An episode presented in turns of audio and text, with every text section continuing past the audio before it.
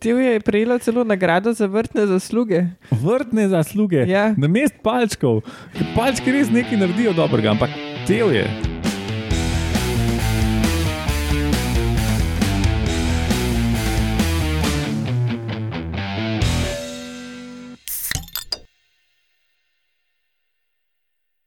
Lepo zdrav, poslušate 101. oddajo Metamorfoza, podcast o biologiji organizmov, ki vam jo kot vedno predstavljamo skozi lahkoten pogovor o pivu. In danes smo od klasične zasedbe petih, tukaj samo trije.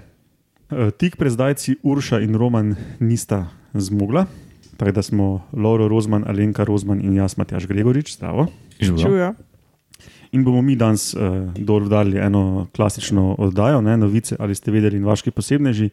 In med novicami si bomo pogledali nekaj o novi raziskavi o ribi signalizaciji v prisotnosti plenilca v nevarnosti.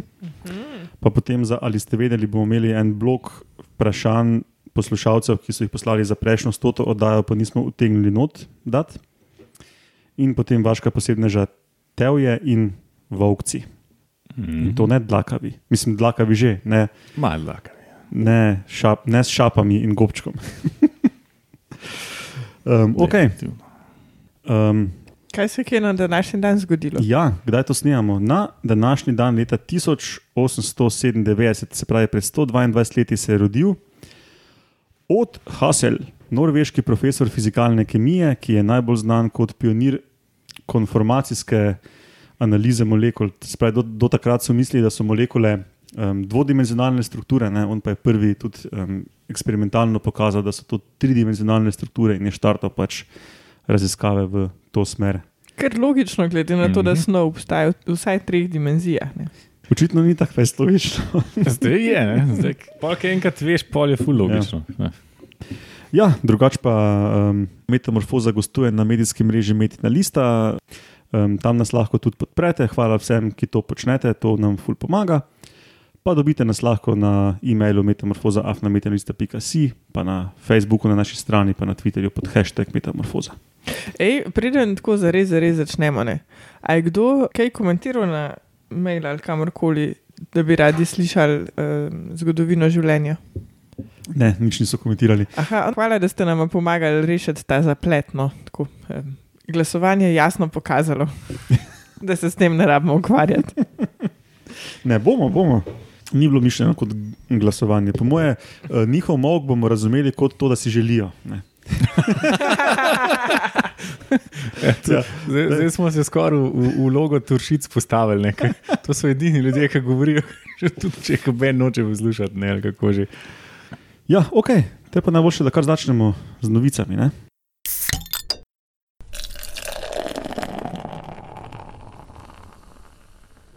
In kaj noga? Nov je način, mislim, niti ni nov način signalizacije rib, ampak novo je to, da smo to prvič eksperimentalno pokazali. Ne?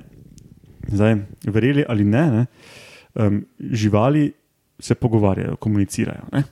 sploh socialne. Uh, Pri vodnih živalih, uh, sploh ribah, o čemer bomo danes govorili, gre za to, da uporabljajo neke kemikalije, ki jih pač spuščajo v vodo, ne, in pač potem to, složi, to služi komunik- komunikaciji v različne namene. Ne. In en najbolj pomembnih kontekstov je protiplenilski, in o tem se bomo danes pogovarjali. Um, in pri ribah dobro znano, so dobro znani alarmni dražljaji. Recimo eno ribo nek plenilec poje, rani, kakorkoli poškoduje fizično, ne? In potem, ker jo fizično poškoduje, ta riba ima neke luknje v telesu, pač pušča, ne? karkoli že tam pušča, ne? od krvi do kjerkoli telesnih tekočin in tkiv. Ne? In to lahko druge ribe uporabijo, ali pa drugi organizmi, ki niso ribe, kot, neki, kot nek signal, oziroma dražljaj, zato da je tam nek plenilec ne? in na to odreagirajo. Ali pa da je hrana. No, ampak zdaj, pač ja, zdaj govorimo pač o tem protiplenilskem kontekstu Aha, okay. v tej raziskavi. Uh Mhm. -huh. ja, lahko je ta komunikacija seveda za, se, seveda za marsikaj. Uh, no, in imamo pa, to so bili alarmni dražaji, pol, pol imamo pa stresne. A ja, ribe ne kričijo tako zvoka, one kričijo kri, a veš. Ja. Kri, kri, kri, kri. No, pol imamo pa stresne dražljaje, ne? to so pa snovi, ki se sproščajo ob stresu. Se pravi, če recimo plenilec lovi ribo ali pa da se pač riba samo prestraši, ker je nekaj prišlo. ko bi lahko bil plenilec ali pa ne, ali pa pač nekaj druga pod stres spravi, karkoli takega. Ne? In um, večinoma gre to prek uh, curkov urina, ki jih izbrizgajo ne, v Uh. vodo. Ne? Ti curki urina niso samo pri ribah, so tudi pri kakih drugih, tudi rakih, recimo, ali pa kaj ne. Ampak um, pri ribah je to um, boljše raziskano. A zato se folk uščijo od strahu. V bistvu gre za to neko prastaro signalizacijo stresa. Ribja zadeva. Ja, mislim, to ne vem, kaj je bila prva funkcija v smislu signalizacije, ker ribe s temi curki urina tudi spostavljajo hierarhijo, dominanco. Ne, če pač gre za neko tako hierarhično urejeno skupino ali pa v spolnem kontekstu komunicirajo med sabo. Ne. Isto kot kuški, se pravim, pač ribje scanje. Ja, Ja, pa za prepoznavanje um, ali iste vrste ali nekih osebkov. pa To, no. no, in do zdaj, ne, verjeli ali ne, to je bilo ful raziskovano, ti alarmni in um, stresni državljani, ja, Laura, Maka. grejo na, tako na alge scat, ali, ali kaj. Ali, ko, ko psi ja, ja, na prvem vogalu od brloga. ja, pa školko. Pa to. Na školko. No, do zdaj pa še v bistvu nismo imeli eksperimentalnih dokazov o tem, ali ribe signalizirajo to nevarnost hote ali ne hote. Ali pač se poščijajo od strahu, pa pač druge to je selekcija v to privedla, da pač znajo to razumeti, ali dejansko hote signalizirajo. Ne? In potem prijemo zdaj tukaj do tega, kaj je zdaj signal in kaj je dražljaj. ne. In dražljaj je to, da gre za neko nehoteno izločanje signalnih podnarekovaj snovi, ne, ki jih pač um, drugi dojemajo. pa to- se pravi, to je v bistvu nekaj, kar ena žival izloči in druge živali to prepoznajo kot neko sporočilo. Ampak ne naredi tega hote. Ja, jaz sem zato prevedel kot dražljaj, v angleščini to Q uporabljajo. Alarm Q ali pa stress Q. Signal pa mora štirim predpostavkam um, zadostiti. Štiri predpostavke so potrebne. Ja, eno je, eno je, da mora biti v nekem kontekstu, se pravi, recimo v protiplenilskem, v našem primeru, ne? potem mora biti prostovoljna, se pravi, neka hotena signalizacija, se pravi, izločanje, in da, in da potem sproži odgovor pri tistem, ki, ki prejema ta signal, in da zveča fitness za tistega, ki oddaja signal, in za tistega, ki prejema. Ne? Mhm. Da, če je tam ena riba smrtno ranjena, pa pač druge s tem pridobijo, ona, ki je bila ranjena, ni ne nič pridobila, pa tudi ne prostovoljno signalizirala. Se pravi, že dvema pogojema ni zadoščeno, da bi to bil signal. No, in v tem članku so pač pogledali.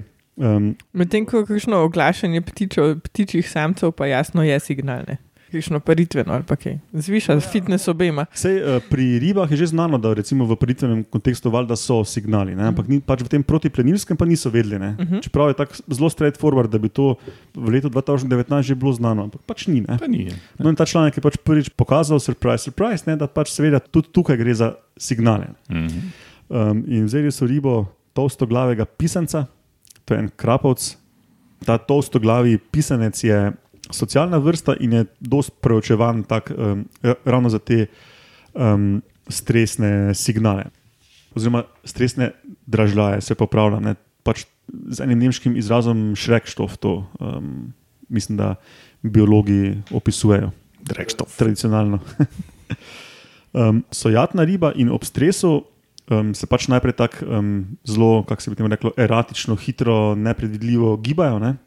Pa večkrat zmrznejo, pa zelo tako skupaj se v gosti jati se združijo. Ne? In so pač gledali eksperimentalno, če jih pač izpostavijo plenilcu, kako se bodo obnašale v teh protiplenilskih vedenjih. Če so same, če so v jati uh, rib iste vrste, pa če so v, v skupini, ne? ali če so v skupini rib druge vrste in so uh, jasno ugotovili, da um, če so same ali če so z ribami druge vrste, um, bistveno manj uh, lulajo in kažejo bistveno manj teh vedenj, ki, ki uh, potem to lulanje sproži.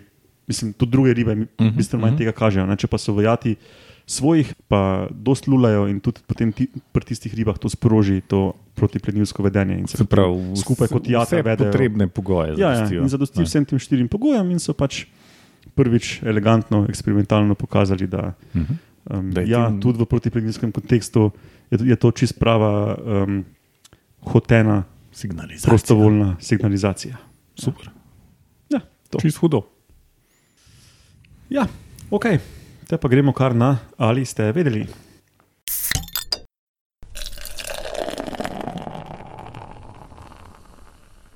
Jej, končno bomo odgovorili na vsa vaša vprašanja. A, ne vsa, ker je Roman odpovedal, ne vsa. Aha, no, na polovico. Ja, ker um, zadnje vprašanje, ki ga bom prebral, eh, bo tisto, na katerega bo Roman pač naslednjič odgovoril, bom razložil, zakaj. A pa ga lahko potem zdaj povem, če smo že pri tem. No. Ja, in zadnji bodo prvi. Ajde, da je najprej zadnje vprašanje. Ja. Na Twitterju sta Igor, a.k.a. Dr. Prlek in Tamara Langus skupaj družno vprašala, najprej Igor, zakaj plezajo polži na drevesa in potem Tamara, ali pa po fasadi na okno v pritličju. Mhm. Ali lahko polž zavoha hrano, oklepaj mače brikete, na dva metra. In potem Igor, zdaj so na poti z drevesa, očitno jih je real time gledal, ne, pred hišo ali kaj takega. Očitno so tam prenočili, torej niso tam zaradi razgleda. A dejansko gredo po noči na drevo zaradi varnosti pred kakimi glodavci. In uh, to bo Roman naslednjič odgovoril, zato ker je on že se na to pripravljal in brskal za literaturo. In dejansko je nekaj člankov na to temo, zakaj ti naši mali vrtni polži Mhm. mm. lazijo na drevesa. Cool. In nekaj hipotez, da bomo, bo Roman povedal naslednjič, um, kaj je o tem zvedel. Teda ja, gremo potem na ostala vprašanja, ki pa jih bomo odgovorili. In Ana Slavec je na Twitterju vprašala, oz- oziroma pač rekla, da jo zanimajo organizmi, ki živijo najdlje in zakaj. Da ve, da je nekaj takega že bilo v prejšnjih oddajah, ampak da ni odveč večkrat slišati. To je sven, to je un dolgoživi bor. Tudi verjetno, mislim, tega je ful. Ja, ena drevesa so kar tako tavžent let. ja, ja, posamezna drevesa so znana, ampak to več vrste, lahko, da so mm. lahko po več tisoč let stara. Pa un pando, ki je v bistvu taka združba topolja, ki ima iste korenine. Ja, Ja. ja. To je ena oseba, ki zdaj umira, ampak ne vejo zakaj. Pač zaradi ljudi. Baje. No, mislim, da najstarejši posamezni dre, posamezno drevo, tako z enim deblom, pa to, ko ni neka čudaška kolonija. Mislim, da so najstarejša okoli 5000 let. Um, Wow, to je čisto, da to bilo še pred Rimljani. Zelo, zelo pred Dimljani. no, pol, kar se tiče vretenčarjev, recimo, ne, logično, um, tisti, ki imajo počasnejši metabolizem, so dolgoživejši. In grenlandske morske pse smo imeli tudi v metamorfozi, ko, so, ko je bila tista raziskava Mhm. njihove dolgoživosti, in so ocenili, da so normalno stari med 300 in 500 let, pač da doživijo starost med 300 in 500 let, no, nekje v tem To intervalu. starost. Ja. Ja, to je rekord za vretenčare. Pol so zanimivi so endoliti, tako imenovani endoliti, ki to so mikroorganizmi, ki živijo v kamnih. Mhm. In tu pa zdaj pač prijemo na nivo špekulacij, ker pač ne živimo dovolj dolgo, da bi to direkt opazovali. In so špekulacije, da okoli nekih endolitov, ki so jih na morskem dnu našli, da imajo generacijski čas 10.000 let in Ja, ja, blazno, je- blazno počasen metabolizem. Ne. Pač prav, Fakt. prav, prav ti na morskem dnu, ne, da pač mm Mhm. -hmm. so neki, neki posebni, ne vem kaj. To, jaz si pod mikroorganizma ne bi uh, Ja, ja, mislil to ne. ali predstavljal ali karkoli. To bi bili en dan lahko legitimni vaški posebneži. ne? No, evo, čakaj, si bom dal takoj v Wunderlist, imam prav um, en to-do list metamorfoza. Um, ja, no, potem pa imamo seveda ožigalkare, ki so s- čist svoja posebnost. Ne. Smo jih tudi že imeli v metamorfozi večkrat, tudi v, v smislu te njihove blazne sposobnosti regeneracije. Vem, da smo hidre omenjali, spravi te trdoživnjake, ki ne vem, si ko jejo, naredijo z strganjem telesne stene nova usta, pa nekaj požrejo, pa se to zaraste, pa se potem spet strgajo steno, da naredijo usta in tako dalje. Ne. Ti si imel Lauro ono pri super močeh, ki si meni prisodo. Mhm. Um, eni ožigalkari se lahko obrnejo cikel staranja in se pomlajujejo. Ja, to je kar bam. Ja, tako da kar nekaj ož, ožigalkarjev je takih, ki jih smatrajo za potencialno nesmrtne. Ne? Seveda, Mhm. nesmrtno ni nič, ampak um, ja. Mighty close. Ne? Sigurno pa lahko z neko solidno vrednostjo trdimo, da pa živijo po več tisoč let, če pač ni, Mm. mm. jih nič ne požre. Ja. To verjetno ne bi bil problem. Teda, ja, evo, to je približno to, um, namigi za nadaljne raziskovanje, če koga zanima. E, Naslednje vprašanje, ali jaš na Twitterju je vprašal, ali je pajek kdaj žen ali pije vodo. Kratek odgovor je ja, tudi pajki so ženi in pijejo vodo. Mhm. To lahko, kot vem, lahko to potrdiš iz lastnih izkušenj. Ne? Ja, to lahko potrdi vsak, ki je kdaj ptiče pajke imel doma, pač tako čist kot um, domače živali. Pa tudi tako, um, um, tudi mrežari, recimo, če se rosa nabere, to pijejo. Um, in tako, no, tak da, jaz bi si mislil, da večina kopenskih živali, ki ima usta, pije, no, če niso bili puščavske, ne vem kakšne ali kaj. Ampak ti v bistvu v laboratoriju gojiš pajke, ne? to je tvoja služba. Tudi, ja, med drugim. Um, kaj pa se zgodi, če jih pozabiš našpricati? Ali pa, mislim, a jim daješ tako vodo? Ali... Ja, Sam ja, rosiš? um, ja, naše pajke špricamo vsaj dvakrat na teden z, mm. pač z to šprico, obično, kako se temu reče. Teda pač se ra- razprši noter voda, pač povsod. Um, Uh -huh. um, teda ja, vsaj dvakrat na teden, če pa jih ne špricaš, pa crknejo ali odžeje, ali ko se levijo, ni dovolj vlage, pa ne morejo zlesti iz kože ven, kakorkoli. No. Um, Slabe stvari. se slabe zgodijo. stvari se zgodijo in tega nočemo. Tako Da, Ja. Ker Pol nimaš pajkov, in pol nimaš službe, in pol greš domov. Sam ne rabiš in pa prav tako v posodici dajeti. um, ptičjim pajkom običajno dajo. Recimo, Sem redka imela. No, Eh, uh, pa njegove, ne. Marjetka Pajke. je bila, je bila ptiči pajek, Laurota in Alenka. Ne? Ne, Lauro to je bil. Laurota. Jaz sem jo enkrat po nesreči spustila. Pol jo je najdel, mislim, da en teden kasneje sred sobe, tako nekako. Uh -huh. No, drugače eh, v laboratorijih, ki gojijo, mi gojimo večinoma pajke mrežarje. Ne? In to je Mhm. pač njih ne vandrajo dost okol. Ne? Pak tisti, ki pa gojijo recimo skakače ali pa neke take pajke, ki nimajo mrež, pa doskrat dajo, postavijo posodico na posodico ne? in v dno zgornje posodice, v kat- v kateri je pajek, v dno te posodice je zvrtana luknja in noter dana ona vatica, kot ti zatlači zobozdravnik ob dlesen, veš, tista podolgovata. ne. No, in potem spodaj pa ta vatica mol- moli v spodnji posodi v rezervoar vode, ne, da se, se napije in je vedno vlažna, da pač ne, ni stoječe vode, da če pa je pade not, če je majhen, se zaradi površinske napetosti ne zna rešiti, Uh -huh. ampak je pa skozi vlaga in če prije mimo, pač potem lahko pije in tu Malo pije. crkne. ne. Ja, Cool, hudo. ja ta, tak dost laboratorijev rešuje. No. Mm. Ali pa vsaj tisti, ki so bili kadarkoli v stiku z laboratorijem enega avstralca, Robert Jackson, mu je ime, um, ta je tak pionir um, vedenske biologije na pajkih skakačih in je full ljudi. Pač imel do študentov in ti so imeli potem svoje študente, in pač taka mreža mm -hmm. teh, um, ki na enak način potem gojijo živali v laboratorijih. Okay. Aljaš je tudi vprašal, zakaj mačke predajo. Enostaven odgovor bi spet bil zato, da nas uh, prelisičijo vlažen občutek varnosti, preden zasedijo njihove kremple v nas. Um, ja. Slišiš smiselno, v resnici. Ja. Ja, sicer nimam, nisem nikoli imela mačke, ampak uh, kadar sem bila v stiku s kakšno mačko, sem ponovadi ne kremple srečala. Ja. Ali pa zobe. no. No, ampak v resnici je pa to kar zanimivo vprašanje. Ne? Zadeva je taka, da bi mačke lahko, vsaj glede na predanje in rjovenje, razdeljene na tiste, ki predajo in tiste, ki rjovejo. Obojega hkrati pa ena vrsta ne zmore. Istočasno ali pač Ne, ne, ne, pač, Ne, uh, ista vrsta. mačke, ki predajo, ne rjovejo in mačke, ki Aha. rjovejo, ne predajo. generalno. Ja. Ne sam časovno ločeno, Ja. ampak Ja, ja. tako. In ja. ja. rjoveče mačke, in to, ampak to ni zdaj sorodstvena, pač ni tako, da bi ena skupina mačk rjovela, druga pa predla. To je, je nekaj je povezano z velikostjo in okostenelostjo. Um, Podjezični. grla in podjezičnice. Ja. Mm. No, in recimo rjoveče mačke so te ta velike, lev, tiger, jaguar, leopard, prdeče, oziroma predeče, so pa divja mačka, risi, pume, snežni leopard, gepard. Ampak to so ene, kar, ene so kar velike. Ja, ja, ampak očitno je tu nekje meja. ja. Ne? Snežni leopard je še dovolj majhen, očitno, medtem ko ta navaden leopard je uh, že dovolj velik. Recimo te pume, so kar žvaline. Tako. Ja, ja, ja.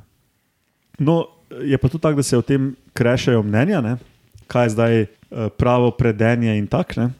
No, in Matjaž zavija z očmi. ja, tu zaprijemo, tu zaprijemo na uh, črte zeberne. Najpogosteje slišimo neke hipoteze, pa neke razlage, da je to signalizacija mladičem, pa kamuflaža, za, uh, kamuflaža mladičev, pa izkazovanje neagresivnosti. Ne.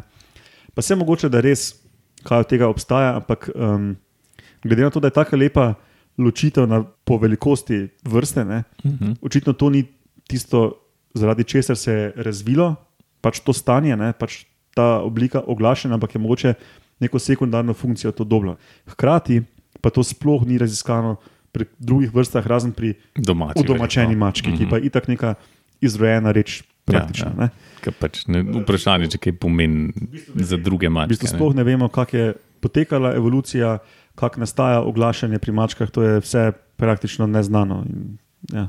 um, je pa očitno neka povezava s telesno velikostjo. No, da, No, mogoče bo to s časom kdo raziskal. No. no, potem je tudi Aljaš vprašal, še dve vprašanje je postavil. Koliko centimetrov lesa na leto pregrize lesni črv? Zdaj jaz sem sklepal, da. Je lesni Ja, črv? ja, ne? ja. Jaz sem sklepal, da misli hišnega kozlička oziroma njegovo ličinko. V nemščini tako rečejo tudi hrošču trdoglavcu, ki je en drug hrošč. Um, no, ne vem, koliko lesa poje, sem pa pač iskal malo po tem, kak je s tem jedenjem lesa. In je verjetno brez veze računati neko poprečje. Se pravi, je verjetno ne mogoče na to odgovoriti. In to zato, ker ličinke živijo zelo raznoliko, odvisno pač od tega, kakšni so pogoji. In živijo od 4 do 18 let, mm. kar je full razpon. Ne? Ja. In količina pojedenega lesa je tudi odvisna od tega, kak je les bogat s hranili. Se pravi, od vrste les lesa. gre. Ja, ja, no, se, pa ja, temperatura, pa vlažnost, pa vse take hece. Ne? Ne vem sploh, kako bi to, sploh nisem vedel, kako bi to um, naprej brskal. Tako da mogoče kak gozdar, ki nas mogoče posluša, bi Pa bo kaj več vedel o tem. o tem več No, ve. Ja. kot zanimivost, jaz sem imel enkrat dol v delavnici, ki, ki, ki dublira kot kurilenca, eno dilco mehno. Ne. In uni dilci je neki škrablalne. In to je pač, ne vem, po mojem, dve leti je tista dilca škrab, škrablala, pol se je pa tista, ne vem, izlegala, pa sem jo skuro, ne vem. Po glavnem, tista, tista dilca je bila čist, mislim, tako, kaj pa sem, 10 krat 20 cm velika, pa slabe 2 cm debela. Um, in pač unga, tiste stvari se ni videl noter, nikoli ni ven prišla in pač dve leti je tam delala rove in še zmeraj se nič ni videl. In je sam je delal, pač tako nek si delo, pa si slišal. ja, se to včasih slišiš. um, no, in zadnje vprašanje, ki ga je Aljaš postavil, pa je, ali smemo kompostirati sadje obdelano s kemikalijami? Zdaj to ni glih najbolj biološko, ampak bolj sociološko vprašanje. Kar ni prepovedano, je dovoljeno. Ja, vprašanje, če hočeš ti pojesti. Ampak, Ja, to je pač bolj. komposta itak ne ješ. Evo, ja, Ne, tukaj, em, meni se zdi, da je to dobro vprašanje, ali se stvari škropiva razgradijo med kompostiranjem. Ne? To bi bilo v bistvu vprašanje. Ne, ali pa na kjerkoli točki tam, pa če se ne razgradijo, a se pol absorbirajo na une rastline nekako. ali Ne. Ja. Oziroma, pač kakor, kakorkoli pač potem to uporabimo, kako se pač to po neki verigi prehranjevalni prenaša, verjetno. ne. Mm. Um, ampak jaz ne vem, v bistvu, ali, je, ali so kakšne regulacije glede tega. To. No, jaz osebno fuknem vse notne. Moja tašča osebno pa ne fukne ničesar not, kar bi bilo lahko škropljeno. Ja, ampak kako moraš ve, da je pa, bilo škropljeno. ali ja, ne? če banane in citrusi pač ne gre nikoli na kompost. ja. Ne, ampak um, moraš še Laura povedati, da pri nas komposta nikoli ne uporabimo na vrtu. Ok, no in še k zadnjemu človeku, ki je postavil vprašanje na Facebooku, je Danilo Majhenič, tudi en od naš, naših zvestih poslušalcev, vprašal, če lahko povemo, kaj o CRISPR-ju in kaj so naša osebna mnenja, kaj bo CRISPR povzročil. Matjaš, kaj v bistvu je to CRISPR? Ja, CRISPR je krovni termin za en tip, to, kar imamo zdaj kot molekularne metode za um, genetsko modifikacijo, um, izhaja pa v bistvu iz bakterijskih mehanizmov, da si zapomnijo virusne napade in tudi v prihodnosti na njih odreagirajo, če jih napade isti tip virusa. No, ampak uh, mi jih pa uporabljamo za, neke, za nek tip molekularnih škarij ali pa žage ali pa sekire, kakorkoli bi temu rekel. Ne? Prav z- zarezati. Najbolj pogosto se uporablja kombinacija, ki, ta, ki jo v medijih vidiš, CRISPR-Cas9, ampak ta Cas9 nakazuje na en tip rezanja. Sam- samo te, A to se pravi, to je metoda za delanje genetsko spremenjenih organizmov. med drugim tudi lahko, ja, pač, Aha, ok. pač karkoli hočeš. Ja. Eh, To je pač zelo tačno, lahko narediš neke reze na točno določenem mestu DNA. Ne. Pač A, veš, ok. veš, kje bo rezal. Ja, zelo, zelo tačno lahko neke spremembe delaš. Ne. Pač, um, recimo, če, sem, če si že o genski modifikaciji vprašala pred desetletji, če se malo navežemo na anti-GMO sentiment v splošni javnosti, ne, se je sadje in zelenjavo tudi tako spremenjalo, da so jih izpostavili močni radiaciji, sprožili tisoče in tisoče mutacij. Ne? In potem so pač upali, da tu pa tam bojo tudi dobili kak produkt, ki bo pa, ne vem, imel um, večje sadeže ali pa uh, bo več oplodilo, karkoli so pač hoteli, imelo Več večjo rast. ne. vitaminov. Ja, Pa si to smo še mi neki na vajah iz mikrobiologije na ta način delali. Ja, sem, z, Ne glede z radiacijo, ampak z nekim mutagenom, meni se zdi. ne No, ja, s to metodo pa pač lahko ti, ti imaš znan genom nekega organizma in, in pač, ali pa veš, da ti geni kodirajo za to in to lastnost. Bom jaz tukaj nekaj spremenil in bom gledal, kako ta sprememba vpliva. Recimo. Mhm.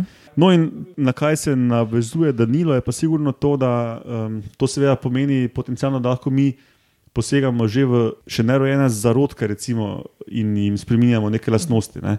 Lahko jim spremenimo, recimo, potencialno, da ne bodo imeli neke prirojene bolezni, ali pa v, nek, v sci-fi varianti filma Gataka. Ne, da pač uh, hočeš imeti samo neke popolne ljudi, ne, in, in pač, ali pa da starši izbirajo, kakšne lastnosti bi radi imeli in, lahko, in jih lahko aktivno spremenjajo. Po mojem se Danilo na to navezuje. Ne, in moj odgovor bi pač bil, ne, da pač to je metoda. Ne, in demonizacija metode, pa absolutna prepoved, ne bo nikoli uspešna. Ne, in, um, hkrati pa preveč liberalna raba neke metode, ki je pa ful močna, tudi verjetno ni najboljša, se pravi, je pač neka dobra regulacija, smiselna, verjetno. Ne, ker, Ja, jaz mislim, da se tle sploh nimamo kaj zabati. Glede na to, da Amerika razmišlja o prepovedi splava, mislim, da gre um, svetovna politika v, v smer proti spreminjanju zarodkov. Pred par meseci je bilo v, eh, v novicah posod, da je en kitajski znanstvenik, pač, eh, so se rodil prvi otrok, ki je bil s tem Mhm. uh -huh. spremenjen. Ne. Ne, nisem več poslušal. Pač proti direktivam mednarodne znanstvene srednje, in tudi Kitajci so ga potem um, hitro odstranili iz um, svoje pozicije, ne ali je v zaporu ali ne, to nisem ziger. Ali je celo zginil, pa se ne ve, kje je, ne, ne vem, kaj se je zgodilo z njim. Mm. Ampak, um, veš, pač, če ti nekaj prepoveš, ne, se bo ziger našla ena država ali pa neke skupine, ki bodo to izvajale. Tako Da je v bistvu, po mojem mnenju, boljše. se, če ne prepoveš, se bo tudi nekdo našel. Ne? Pač v vsakem primeru se bo nekdo našel. Smiselno je pač postaviti neke smernice, pa Ja, da ljudje po nekih tako, delajo, pa je potem to lažje uravnavati. Kot z orožjem. Ne? Pač, Mogoče, ja. ja, ja. pač imaš sicer smernice za uporabo ali pa ne uporabo, ampak zmeraj se pa najde en američan, ki strelja. Ne? Pač, No, ja. ki Ja. pač mora Mogoče je res temu malo ali pa podobno. ja. karkoli. Um, Dobra tema za debato o pivu, kar metamorfoza tudi ja, je. ja. um, no, drugo vprašanje, ki pa ga je Danilo postavil, pa je malo daljše. Um, kaj bi mene zanimalo, je to, zakaj je genetska različnost tako pomembna. Tega ne zastopim najbolj, opažam pa, da se vedno omenja. Recimo tukaj omenjajo specifično sorto banane, ki jo zdaj vsi jemo, in da bi bilo ful dobro, če bi jih imeli več vrst, pa več sort. Zaenkrat ne vidim pojma, zakaj je to važno, tako da če bi to malo bolj razložili, bi bilo full fajn. Ja, to misli to Kevin Diš, banano, verjetno pa ne, en, en link je dal zraven, to je pač ta, ki jo vsi jemo. Ne. Ne, se to prav obstaja izraz genska erozija, ki jo uh, opažamo pri vseh kulturnih rastlinah. In sicer, da pač gojimo samo še na tanko eno, uh, en genotip, ne vem, pač jabka. Recimo. Um, in problematično je to, da če recimo prideš škodljivc, ki je na, tanko, ki, na katerega je pač ta jabolk občutljiv, ne, njegov brat recimo pa ne bi bil, ampak ga ne gojimo, pa pač on škodljivc požre vsa jabka in konc. Ali moč pa face pricati. Itek moraš Ja, ja, če si predstavljamo pač intenzivno agrikulturo, ne, ker so pač ogromne monokulture, se to razširi po teh monokulturah res kot uh, požar. Ne. Recimo, da je to neka plesena, pa neka bakterija ali pa karkoli, ne, um, virus. Ne. Ja, v bistvu pač če imaš neko raznoliko sadje in zelenjavo in druge kulturne rastline, pol pač, kadar pride bolezen, nekatere pocrkajo, ne pa vse. a Ne? Um, In po drugi strani, um, če, če je pač populacija gensko neraznolika, uh, se zelo kopičijo te slabe mutacije. In pač je že tako ali tako tista žival ali pa rastlina nagnjena k k boleznim uh, ali pa defektom. Ali pa, uh, lahko bi Uršo našajbal, da naslednjič govori o genskih problemih risa v Sloveniji. Ok, mislim, da smo že dovolj dolgi, kar se tiče teh vprašanj poslušalcev. Pa najboljše, da gremo kar na vaše posebne že. No,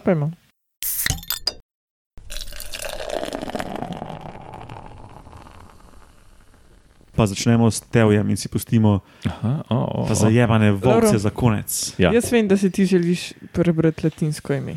Ja, definitivno. Um, Haketija epipactis. Ali je ti tle slučajno, a pa je epipaltis.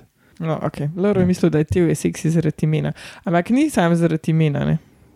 Mislim, če bi bilo zaradi česa, pa bi bilo zaradi imena, kar se Ne. mene tiče. Na robe imaš.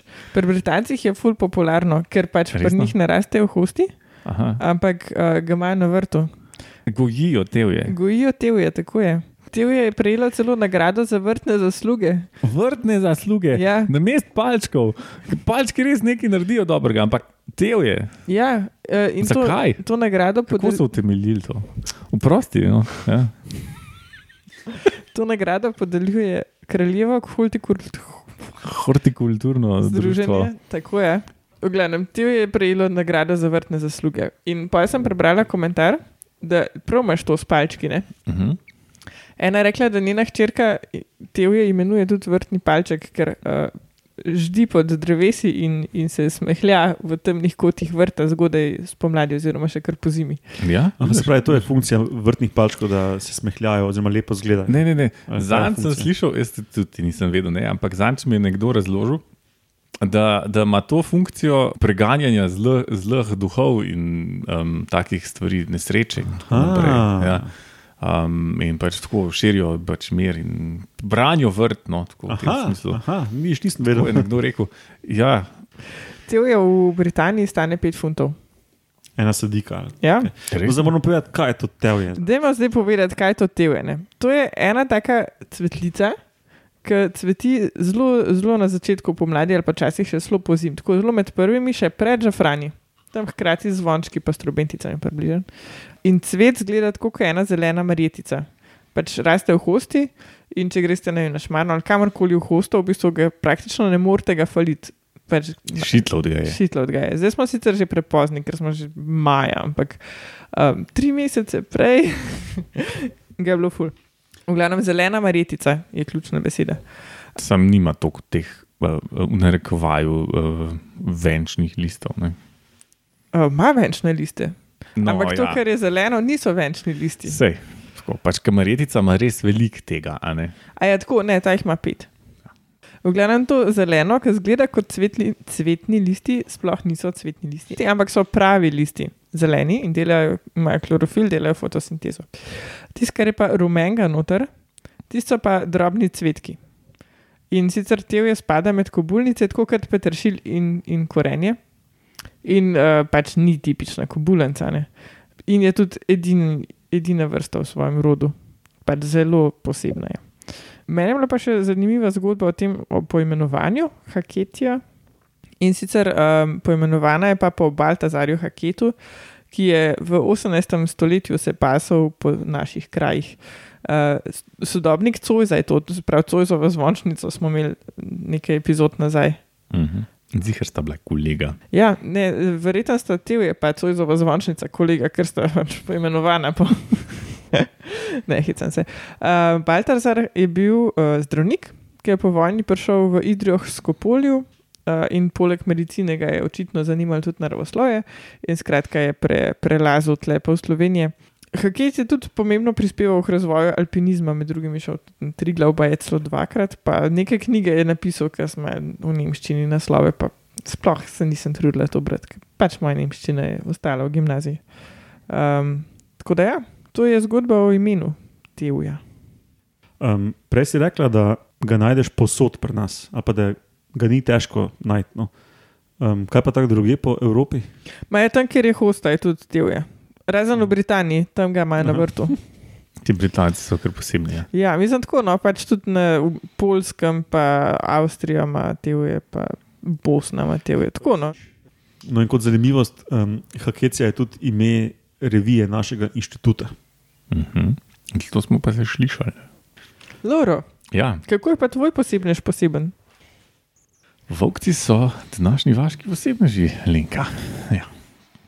Uh, Vokci so ene žuže.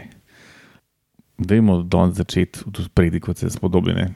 Torej, z odraslo živaljo gre za ene mreže krilce. To so taki um, žužki. Jaz sem že pozabila, kaj so to mreže krilci. Neuroptera.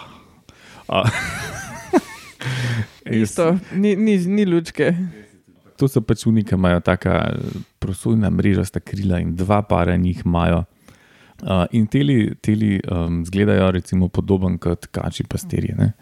Se pravi, tako slo kot delo, krila, tudi dva para, tako kot kači pastir, ki dosti podoben zgleda. Tudi glava je tako relativno podobna, tudi precej velike oči, ampak ne ogromne tur, ali pa turbanske. In če pač nadaljujemo v kakšni bolj smiselni smeri, odrasli so, so tako, um, da se ne hranijo uh, in zaradi tega tudi ne živijo dolgo, podoben kot te enodnevence, recimo, ali pa kaj takega. In pač se, se parijo, odložijo jajca, um, ki je v pesek. In pol ta ličinka naredi, um, oziroma skoplje tak, um, se pravi, zdaj bomo govorili malo v, v vrsti um, Mirmelion uh, formicaris, ki živi v uh, Severni Ameriki, uh, po Evropi, celi, razen spet v Britaniji, tako kot te.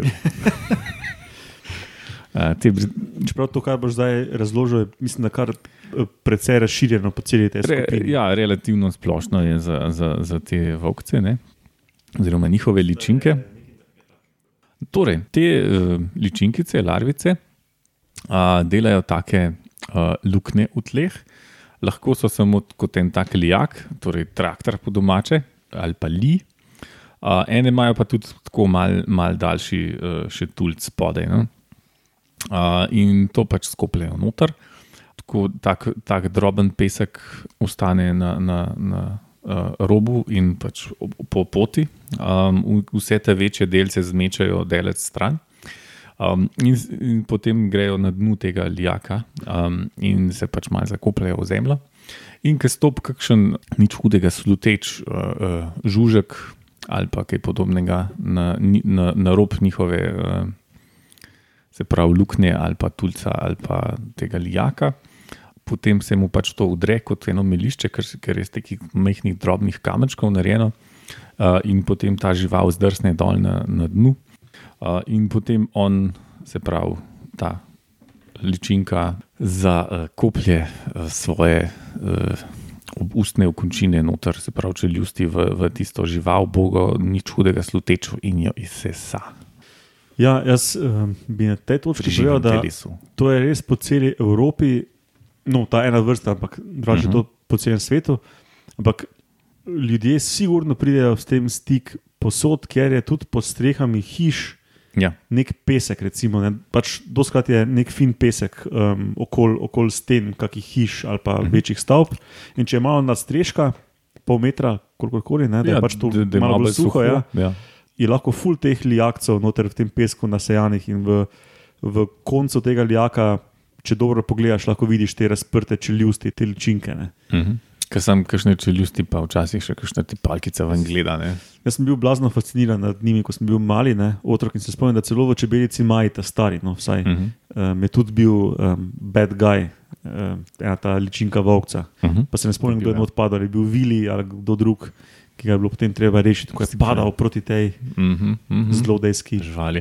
Včasih so še celo tako um, iznajdljivi, rečemo temu, ne, ne bom rekel zlobni, da mal pomagajo tem noter pastim in vržejo kakšen Ja, ja. kamenček uh, Mhm. in jih tako malo z ravnotežja spravijo, da padejo noter, ne, ta njihov lijak.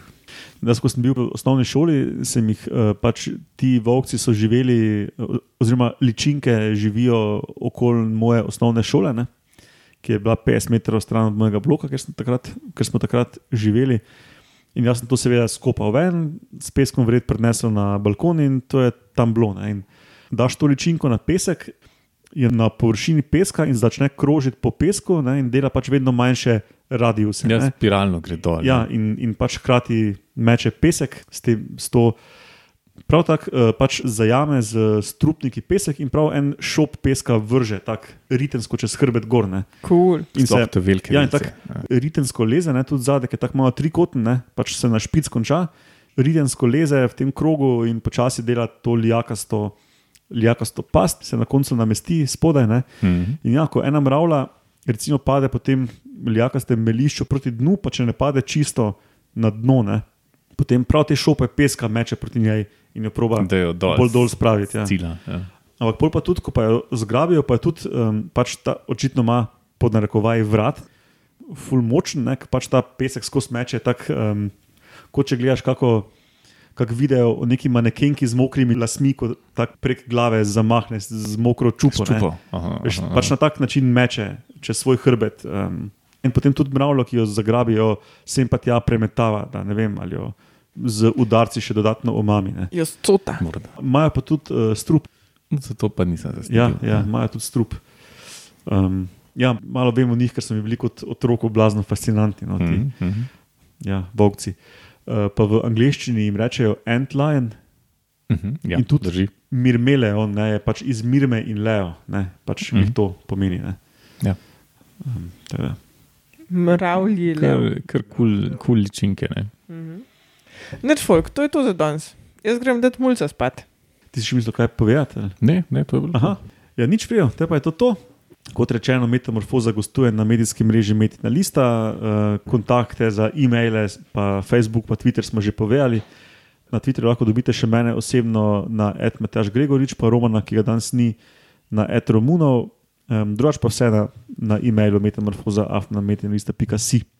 Um, ja, hvala vama za sodelovanje in poslušalcem za poslušanje in se slišimo prihodnjič. Pa pa. Adijo.